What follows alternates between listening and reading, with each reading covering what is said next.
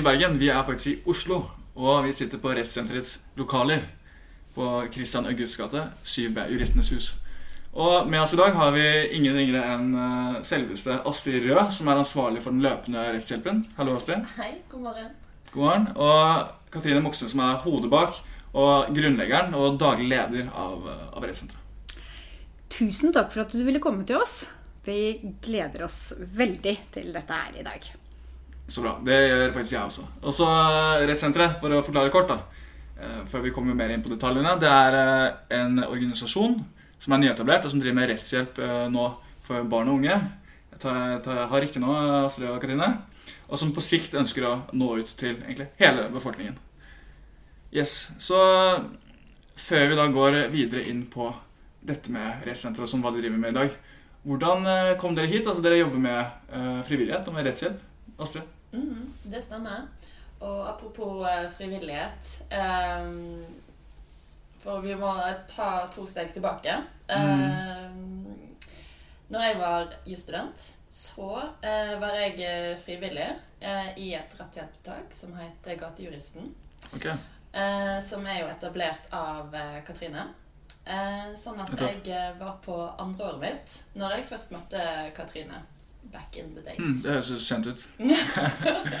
Samme som deg, ja. Nettopp, nettopp.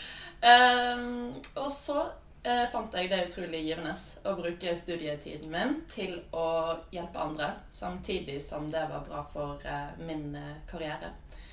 Uh, og der fortsatte jeg. Når jeg var ferdig utdanna jurist, fortsatte jeg i Gatejuristen i Oslo.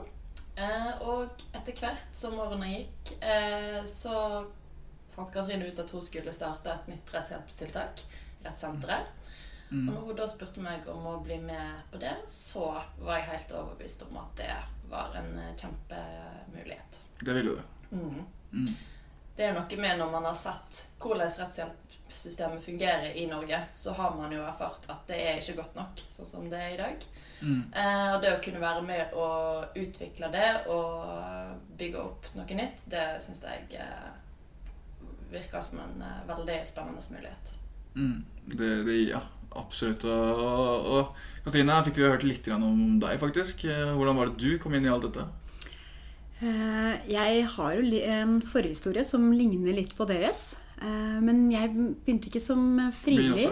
Okay. Ja, de nå, ja, fordi at når jeg var student, ung og lovende fortsatt, eh, så fikk jeg meg ekstravakt på noe som heter, eller da het Sprøytebussen.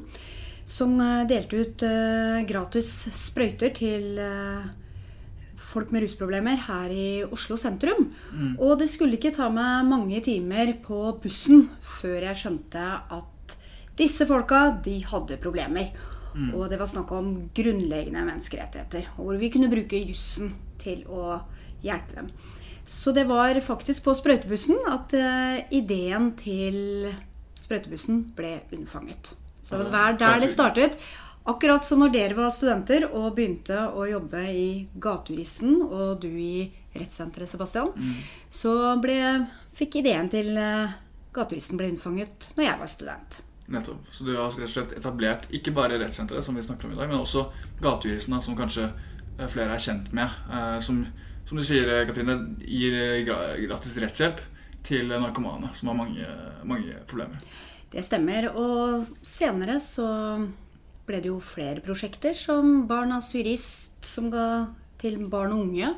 Og vi startet også med å gi eh, økonomiveiledning til både barn og unge og til folk som har rusproblemer.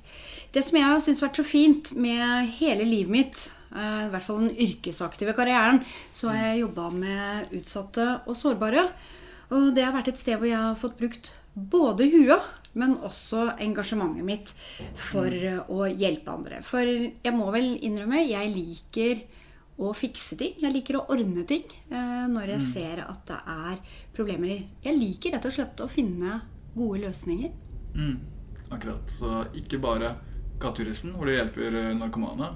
Du har også etablert eh, Barnas jurist, som springer ut av, av dette her. For du så at eh, barn også har en del eh, problemer. Og Ung Økonom, som gir Er ikke det det heter? Ja, Ung økonomi og Ung økonomi. Gatas økonom. Kjempefine tiltak. For jeg mener at for at vi skal sikre at folk får bedre velferd og økt rettssikkerhet, så er juss og økonomi det går litt hånd i hanske. Vi trenger begge deler. Mm, Nettopp. nettopp. Og det ser vi vel særlig nå når vi går strammere tider i møte sånn økonomisk, når det er nedgangstider. Det er helt klart at eh, det kan merkes, eh, særlig for de som er ekstra utsatte. da. Og pga. disse tingene her, altså du etablerte og virkelig har hjulpet ekstremt mange. Hadde ikke vært for deg, så hadde jo ikke veldig mange ikke fått hjelp. Det må jo sies. Og det er virkelig eh, Men jeg har ikke vært alene. Nei. Jeg har heldigvis opp gjennom åra så har jeg hatt med meg mange dyktige folk og gode samarbeidspartnere. Og det er eh, grunnen til at vi har lykkes. Det at mange trekker i samme retning, det er suksessfaktoren til at uh, det vi har fått til. Nettopp. nettopp. Og, og på bakgrunn av disse tingene og, og alle de som har hjulpet deg, og alt dette du har etablert, så skjedde noe eh, etter hvert. Det var vel i 2020 at dere leverte, du fikk være med da, i et offentlig utvalg som skulle se på rettshjelp. Det stemmer. Eh, og det var vel ba Jeg tipper vel at bakgrunnen for at jeg fikk eh, være med i Rettshjelpsutvalget, var de erfaringene som jeg hadde fra å jobbe med utsatte og sårbare. At eh, det var i hvert fall den tanken jeg hadde, at jeg kunne være deres stemme inn i et rettshjelpsutvalg. Eh, som jeg syns var utrolig spennende, utrolig givende. Det å kunne få være med og se hvordan vi kunne være med å påvirke og komme med en anbefaling til hvordan vi mente at man bør rigge et, en fremtidig rettshjelpsløsning. Mm. Og nettopp, så det her holdt til på en stund. Jeg ser på meg at det er veldig omfattende arbeid, veldig meningsfullt arbeid. Dette er stort. eh, Og til slutt kom jo da flertallet med én løsning, og du, og du med en annen. si. Hvordan, hvordan gikk dette til? og Hvordan, eh, ja, hvordan skjedde dette? Nei, Hvis vi drar litt sånn tilbake i tid, så jeg hadde tro på at uh, man kunne enes. At man kunne få et samarbeid, at man kunne få et mer uh, En ny rettshjelpsordning som skulle treffe mer spisset de som trenger rettshjelpen aller mest. Og samtidig som den skulle treffe øh, bredere. Um, men der lykkes jeg ikke. Eh, og det var jo allerede på Når den utvalget ble satt ned, så husker jeg at eh, pappaen til naboen min, eh, en professor, Inge Lorang Bakker, han var den første som sa til meg at Nei, Katrine, det er bare å sette seg ned og begynne å skrive dissensen med en gang. Og jeg husker at jeg ble helt skrekkslagen da han sa det. Og jeg tenkte nei, det, nei vi må jo klare å samarbeide med å komme til en løsning. Eh, men Inge, han fikk rett. Mm, nettopp. Så flertallet, dvs. Si alle andre enn Katrine, de gikk for å videreføre den ordningen som da gjaldt, og som egentlig fortsatt gjelder. eh, Som egentlig ble sett for å være ganske utilstrekkelig. Eh, likevel valgte de å videreføre den, men én person, og det var deg, du fulgte da Inge sitt råd og skrev en dissens eh, særuttalelse, som det heter. Eh, på, den er på 73 sider. og vi skal kanskje gå litt innom litt kortere ned i dag. Hvordan er det vi skal gi rettshjelp til på best mulig måte?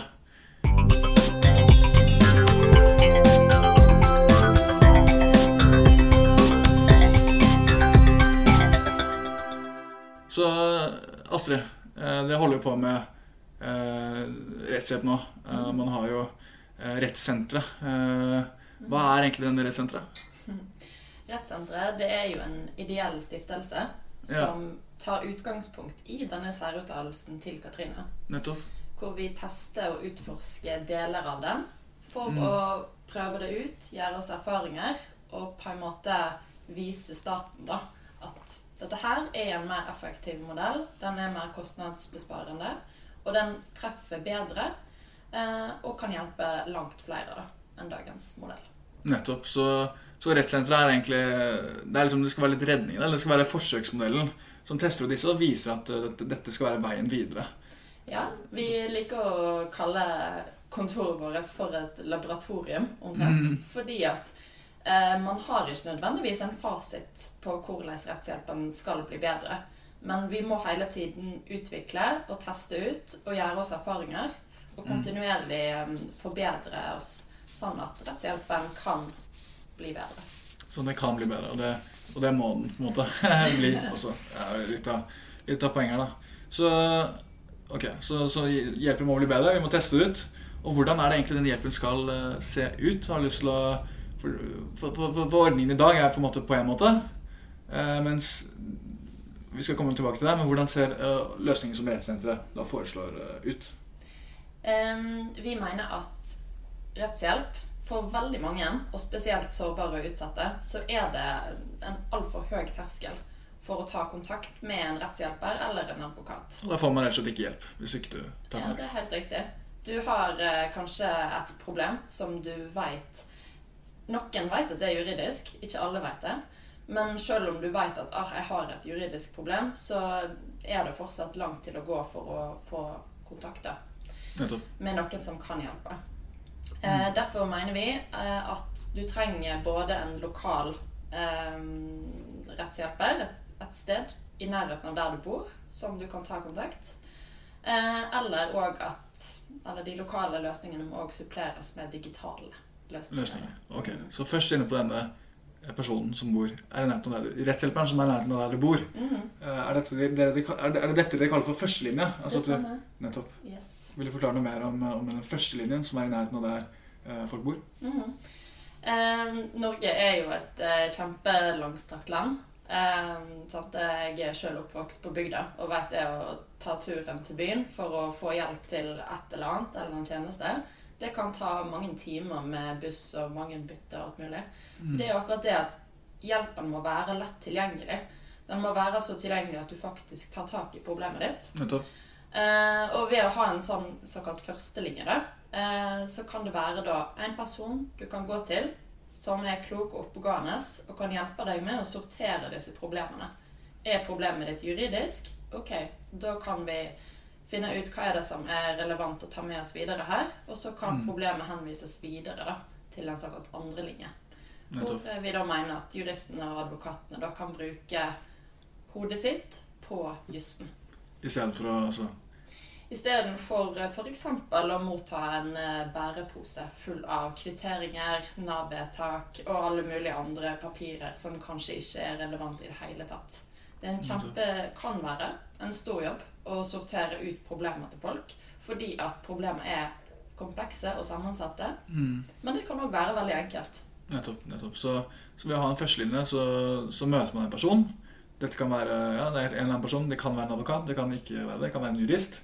Eh, som da, vi kommer litt tilbake til det, som på en måte du møter i første hånd. Eh, da, du, du drar til det, så er det alltid en person du møter. Eh, og så kan de på en måte løse problemet ditt på stedet, eller sende det videre. Det høres litt ut som helsevesenet, gjør det ikke det, Katrine? Jo, og jeg syns det er en god sammenligning. Ja. Fordi det er nettopp det vi mener. Det er at vi må bruke rette eh, Bruke res ressursene rett. Som f.eks. hvis du kommer til et sykehus, så vil du ikke møte kirurgen i døra. Og det er litt der vi mener også. Vi, vi tenker at vi må bruke advokater som er god nettopp på prosedyre og på å ta sakene og drive med eh, advokatbistand. Det er det de skal gjøre. Nettopp, nettopp. Så det er rett og slett vi, vi, vi, er, vi mener bare at du må, vi må ordne litt. Vi må fikse litt. Vi må bruke ressursene rett. Det må rett og slett, Vi må rydde litt. Rydde litt. Og, og ved å også ha det liksom som helsevesenet, kanskje man til og med senker terskelen litt for at folk vil eh, møte opp. Ja, eh, det er jo det som er, eh, er tanken her, er at vi må Terskelen må ned. Eh, Terskelen bør egentlig fjernes. Og det er jo det som er tanken med den digitale rettshjelpsløsningen. Eh, og vi har jo nå, vi jobber jo med barn og unge, som vi snakka om i stad. Fordi Dere skal også lage en eh, digital eh, plattform ved siden av denne, denne førstelinjen, altså den som er til stede i alle, alle kommuner osv., og, og som kan sende, enten løse problemet på stedet, eller sende videre til en annen linje som er spesialisert. Førstelinjen de sorterer problemene, løser dem, eller så sender de videre. og Det skal være spesialisert, helhetlig og liksom ta, tak i, i greiene da, istedenfor å være spredt osv. Så videre. så, men i tillegg til det, det stopper ikke der, så skal man bruke altså disse digitale mulighetene. Eh? Ja, og jeg tror det er kjempeviktig. Eh, For jeg husker allerede når eh, jeg etablerte gaturisten i Tromsø. eh, Tilbake i 2008 så husker jeg at det var eh, en i Tromsø eh, som søkte på stillingen som daglig leder der. Og det som han trakk fram, han trodde at den største utfordringen ved Tromsø, det var alle hjemmesitterne. Og det er jo det vi gjør noe med nå. Det, hva er det vi ønsker? Jo, vi ønsker å nå inn på gutte- og pikerommene. Så de kan bruke løsningen. For vi ønsker å komme inn. Eh, for vi vet jo at det er mange som har tankekjør, eller hva er det de kaller det nå? Tankevirus. Ja. Det er det nye ordet. Eh, men det er jo det vi ser. Og vi har jo eh, Vi var litt usikre på hvordan dette her skulle gjøres. Så det vi gjorde, det var at vi har i år så har vi Vi har rett og slett gått til kilden. Vi har spurt barn og unge hvordan de ønsker å få rettshjelpen. rettshjelpen. Og svaret fra 150 barn og unge var helt klinkende klar. De ønsket et, eh, en digital løsning hvor eh, de kan være anonyme. Hvor de kan surre rundt og lese om andres problemer og hvilke løsninger som er. De ønsket et sted de kunne ha tillit til. Og de ønsket en lesning som de kunne bruke når de vil, og hvor de vil. Uten at mora deres fikk vite det. Nettopp. Det høres ut som en digital løsning. dette. Det er nettopp det det er. Og på bakgrunn av det, de eh, tilbakemeldingene og det barna sa, så har vi eh, utviklet en prototype på en eh, digital rettshjelpsløsning som vi har kalt Retsi. Og det er jo den som vi nå har søkt om penger til. Så vi ønsker å fortsette å videreutvikle den, og vi vil gjennomføre det så vi kan nå ut i hver minste krik og krok av eh, Norge. For det er som Astrid sier, Norge er et langt og krevende land. Det er eh, mil etter mil, og det er grisgrendte strøk. Og for at vi skal være En ting er å si at vi er landsdekkende, men for at vi skal oppleves Ja. som landsdekkende, at vi skal nå ut til alle, så er faktisk vi, har vi at da er ikke ambisjonen vår den er ikke snauere enn at det skal vi få til ved hjelp av en digital rettshjelpsløsning. Så Retsi, det er framtiden. Det er fremtiden. Og for å gå litt inn på fortiden, da, for hva Ja. som egentlig er eh, årsaken til dette her, eh, det er jo dagens modell. Den har verken eh, altså, Hvordan er egentlig dagens modell? Den, har Ut min forståelse, da, så er det sånn at eh, i dag så er det Jeg vet at det har vært litt sånn Det har vært kritikk, kritikk da mot dagens modell. Mange opplever at den ikke helt strekker til. Og jeg tror det var i 2017 så ble eh, så var det 9% av befolkningen som fikk eh, tilgang da, til, til uh, fri saksførsel eller gratis rettshjelp. Er ganske få. Og så jeg tror til og med Norge ble kritisert av menneskerettighetskomiteen i FN.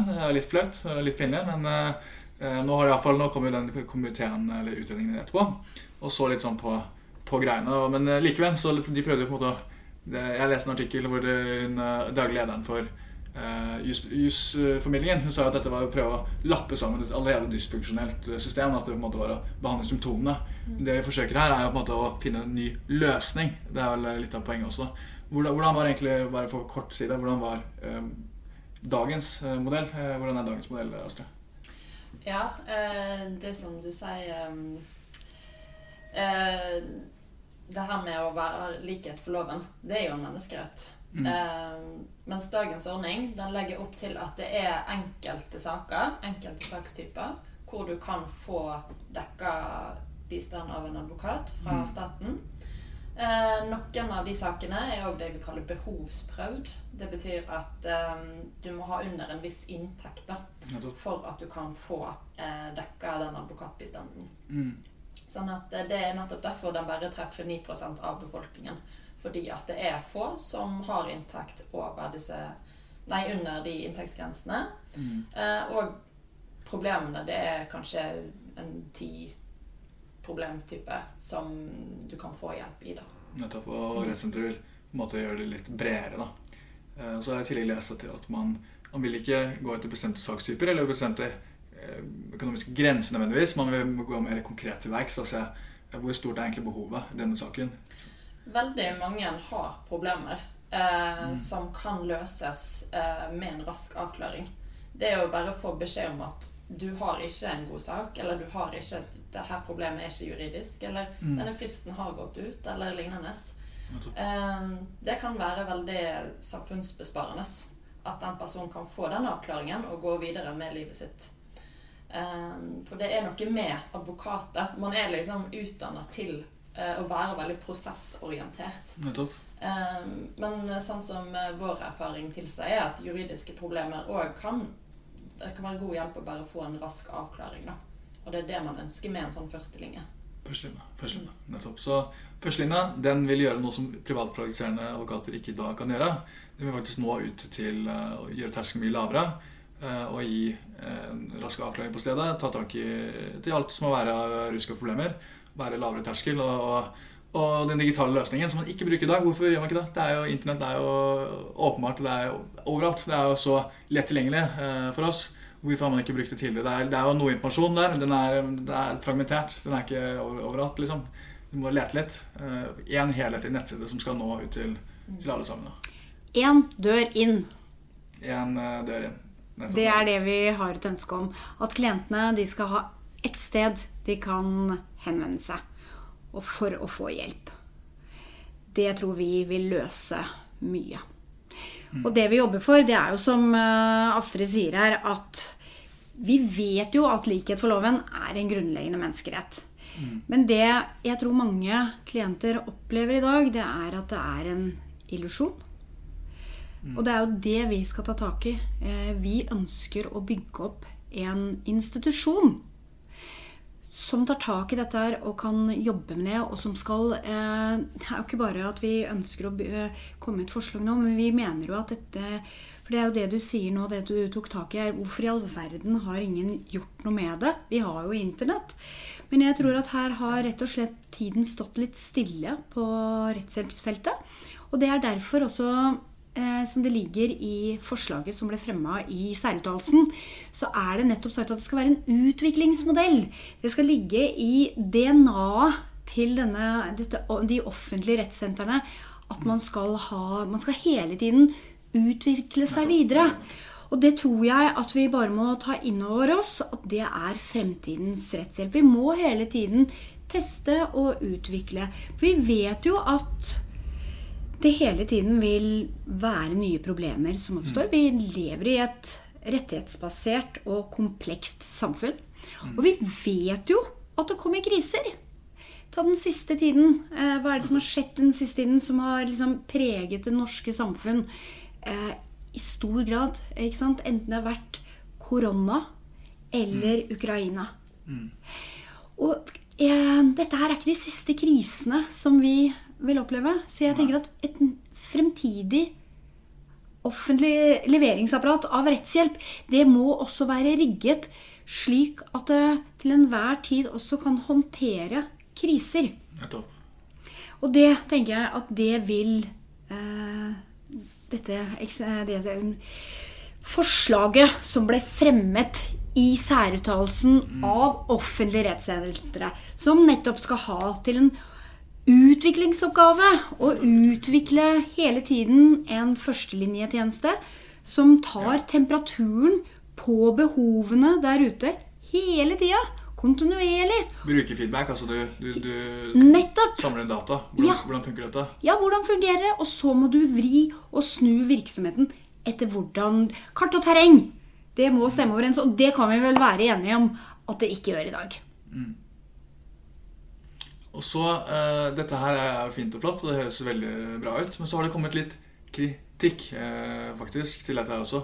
Og Hva er egentlig denne kritikken Uh, For det er litt kult, det er litt drama, litt, vi må jo snakke om dette i podkasten. Hva er egentlig denne kritikken går ut på, for det første? Jeg tenker at det Vi har jo tatt det til oss, men jeg tenker at det er ikke At nytenkning møter ofte motstand. Nytenkning møter ofte kritikk. Og ja, vi skal ikke legge skjul på at til tider så har det vært tungt. eh, Og det har vært krevende. Men jeg tenker at til tross for at vi har møtt eh, motbakker, så tenker jeg at det kan ikke hindre oss i å tenke nytt. Nei. Vi må tenke nytt. Og jeg tenker at vi som jurister, vi er eh, forpliktet til å gjøre det. Fordi at når vi var ferdig studenter Jeg regner med at jeg fortsatt gjør det. Nå er det jo 100 år siden jeg var ferdig. Men jeg husker når jeg var ferdig student, så avla jeg jo et uh, løfte om å fremme rett og hindre urett. Nettopp, nettopp, nettopp. Så jeg tenker vi må jobbe for en endring. Vi må jobbe for en endring. Og det, nettopp, og det den kritikken egentlig gikk ut på, det var at man ikke skal bruke At det er farlig med frivillige, eh, og særlig opp mot barn og unge. da. Eh, Hvordan er det forholdet dere til det, Astrid eller Kristine? Hvordan er det? Eh, Jeg er helt enig i at det fordrer gode kvalitetssystemer når man skal jobbe med sårbare og utsatte generelt, eh, men òg barn og unge. Og det har vi jo heldigvis på plass. Vi Mm. jobber jo etter en ISO-standard i våre kvalitetssystemer. Kvalitetssikringsstandard, eller ja, noe som må ja. Nettopp for å sikre at hjelpen som blir gitt, er av god kvalitet, Mm. og at de som søker rettshjelp, blir ivaretatt på en god måte. Mm. Samtidig som det er ikke sånn at hjelpen blir eh, sjekket av en ansvarlig jurist også. Det er riktig. Mm. Eh, frivillighet eh, betyr jo at du kan få kjempemye ressurser ut av få kroner. Mm. Eh, det er mange dyktige jusstudenter, jurister og advokater som jobber som frivillige hos oss. Og det er jo nettopp eh, det som gjør det veldig sånn dynamisk. da. At man kan bruke jusstudenters engasjement. Eh, dyktige, kloke hoder som er i starten av sin karriere. Setter de sammen med erfarne jurister og advokater, som òg bruker fritiden sin på å hjelpe barn og unge. Sånn at vi får kvalitetssikre alt av juridiske råd.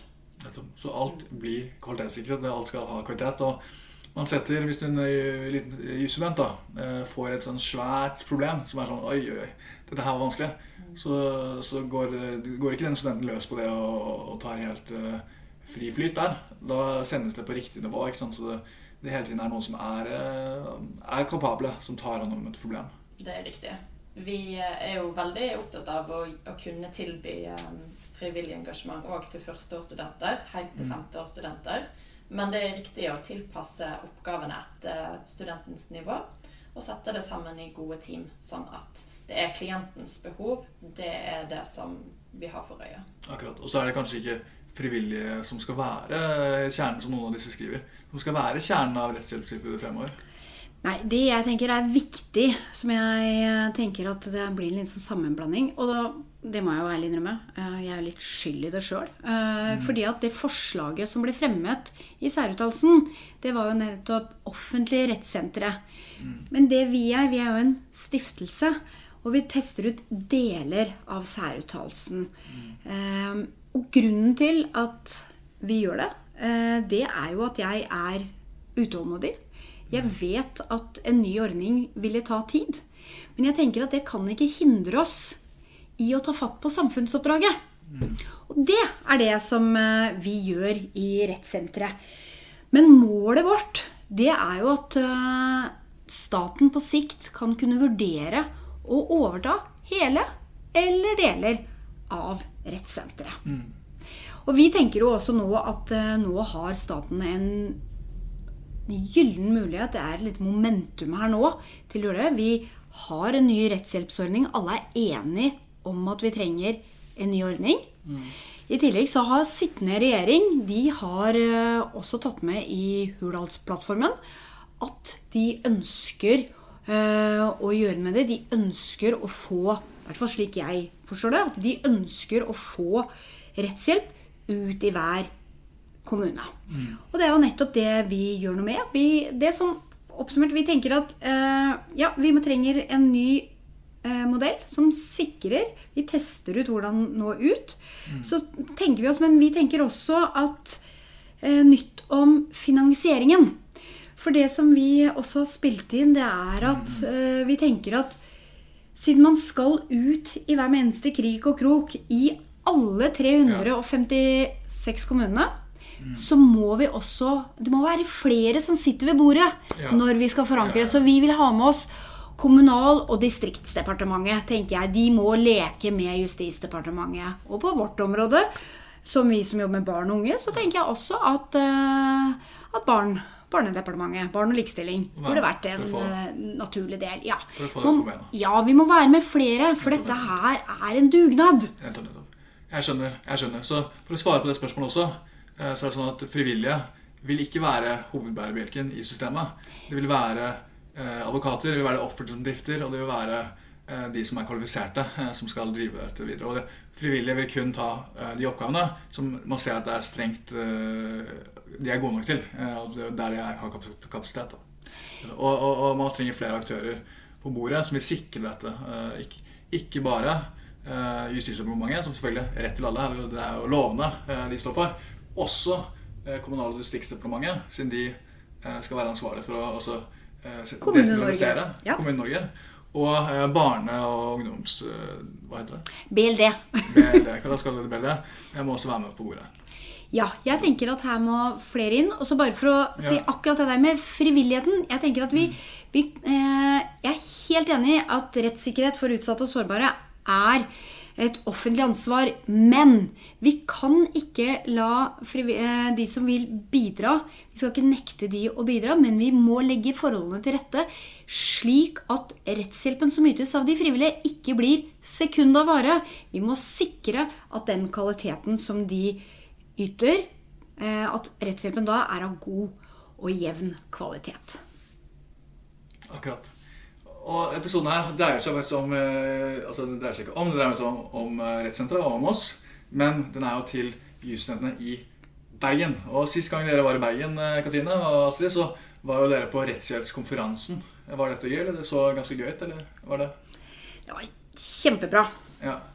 Så bra. Det er kult. Og studentene som er i Bergen, kan de engasjere seg? Kan de bli frivillige, eller hvordan er det? Kan de være med på rettssenteret sitt prosjekt og oppdrag? De er allerede med. Eh, Ja. Og du er jo et godt eksempel på det. Å ja. Sebastian. Eh, og vi har allerede vært i Bergen og engasjert eh, studentene. Eh, CF er jo med, og Mm. vi er klar til neste år. Så er vi klar for å komme både til Bergen og til Tromsø. Til Bergen og til Tromsø. Så vi Ja. kommer faktisk til eh, dem, da. Vi kommer, eh, vi er da klare, eh, under forutsetning selvfølgelig at vi er rigget for vekst. Så er vi klare. Og vi har jo allerede vært i Bergen og hatt med oss studentene. Så det har jo vært eh, utrolig gøy, utrolig læringsrikt. Og det jeg syns er gøy, det er jo å se at det er så mange unge, dyktige jusstudenter som har et engasjement og ønsker å være med og gjøre en endring. Eh, og det tenker jeg er, eh, det er viktig. Og det er noe med å se også, for jeg tenker at dagens studenter, det er morgendagens arbeidere. Det er de som skal sørge for rettssikkerheten videre i Norge. Og jeg, jeg er positiv. Eh, Dette her er mange som er sitt ansvar bevisst. For de som har lyst til å engasjere seg nå, Astrid, hva, hva ville du gjort da? Eh, Da ville jeg eh, tatt kontakt med oss. Eh, som Katrine sa, Sebastian, du er et godt eksempel på hvordan engasjere seg som eh, UiB-student. Mm. På sommeren her på kontoret så har man mulighet til å bidra i flere uker sammenhengende for å lære hvordan man kan bruke jussen i praksis.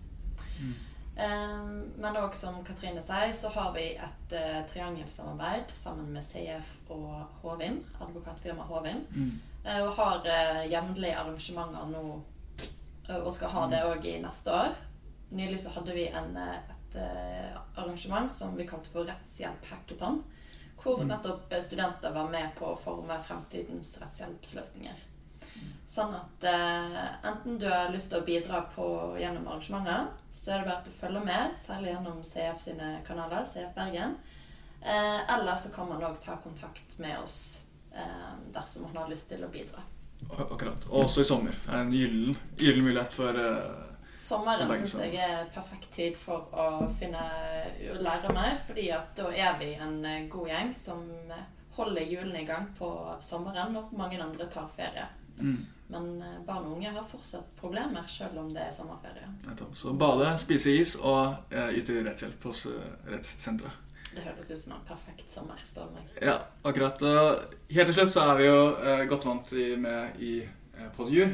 Dette, blir jo siste, dette er for så vidt siste episoden i sesongen også, så det blir de siste fem raske spørsmålene eh, som vi har i denne, i denne versjonen, i denne sesongen. da. Og første spørsmål Nå er jeg spent, særlig på ett av de spørsmålene her. Eh, det er eh, ville, dere- ville det, Vi starter med Astrid, da. Ville det vært forsvarer eller aktor? Forsvarer. Forsvarer. Det har du til og med kanskje også vært? eh, Ja, jeg har eh, også jobbet som det. Så under, sammen med advokat eh, Fridtjof Høit sitt kontor. Så kult. Og neste spørsmål er litt mer tullete. Uh, Ex on the beach eller Nytt på nytt? eh, hva ville du sett? Da må jeg si Nytt på nytt. Jeg må innrømme at jeg har ikke noen sett på Ex on the Beach. Jeg har ikke noe valg. Det blir Nytt på nytt. Det er kanskje like greit, egentlig. Og så er det neste spørsmål, og da ble vi Ex on the beach med rett og slett kraftig understemt her. Det, det var kanskje, kanskje like greit. Men, eh, og så neste spørsmål er hvis dere bare kunne tatt med én ting på en øde øy, eh, hva ville det vært, eh, Astrid? Jeg tror jeg ville tatt med meg Katrine, faktisk. Oi, så hyggelig. Hver dag er en fest med Katrine, så da vil jeg i hvert fall ikke kjede meg. Og så er jeg jo veldig innovativ og løsningsorientert, sånn at uh, jeg tror at det kunne vært en god ressurs på en øde øy. Den, eh, den var smart. Og da hadde ikke Astrid blitt sulten, for jeg hadde tatt med meg niste.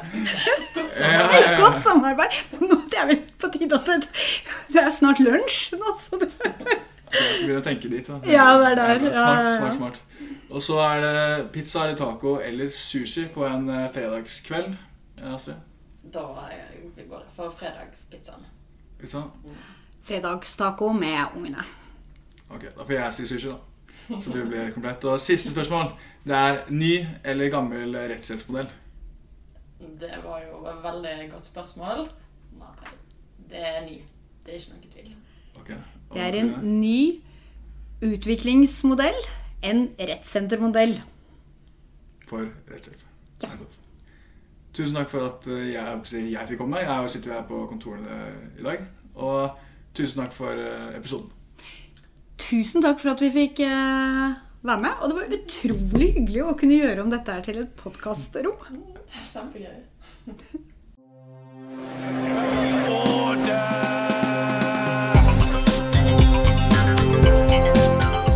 Du har lyttet til Podjur.